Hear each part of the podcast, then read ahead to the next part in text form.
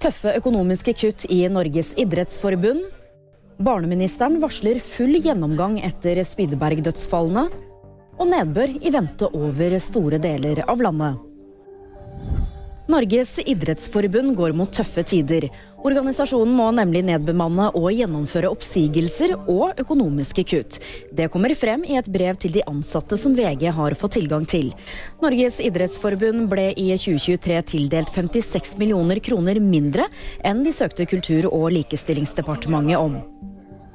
Barne- og familieminister Kjersti Toppe beskriver Spydberg-saken som dypt tragisk og vond.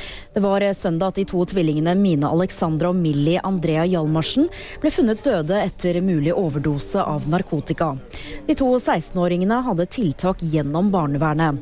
Nå varsler Toppe full gjennomgang av alle dødsfall knyttet til barnevernsinstitusjoner de siste fem årene. Skal du være ute de neste dagene? Da bør du ta frem paraplyen. Over store deler av landet så blir det nemlig perioder med nedbør de neste dagene. Det eneste stedet i Norge hvor det ikke skal regne, er helt nord i landet. Det var VG nyheter, og de fikk det av meg, Julie Tran.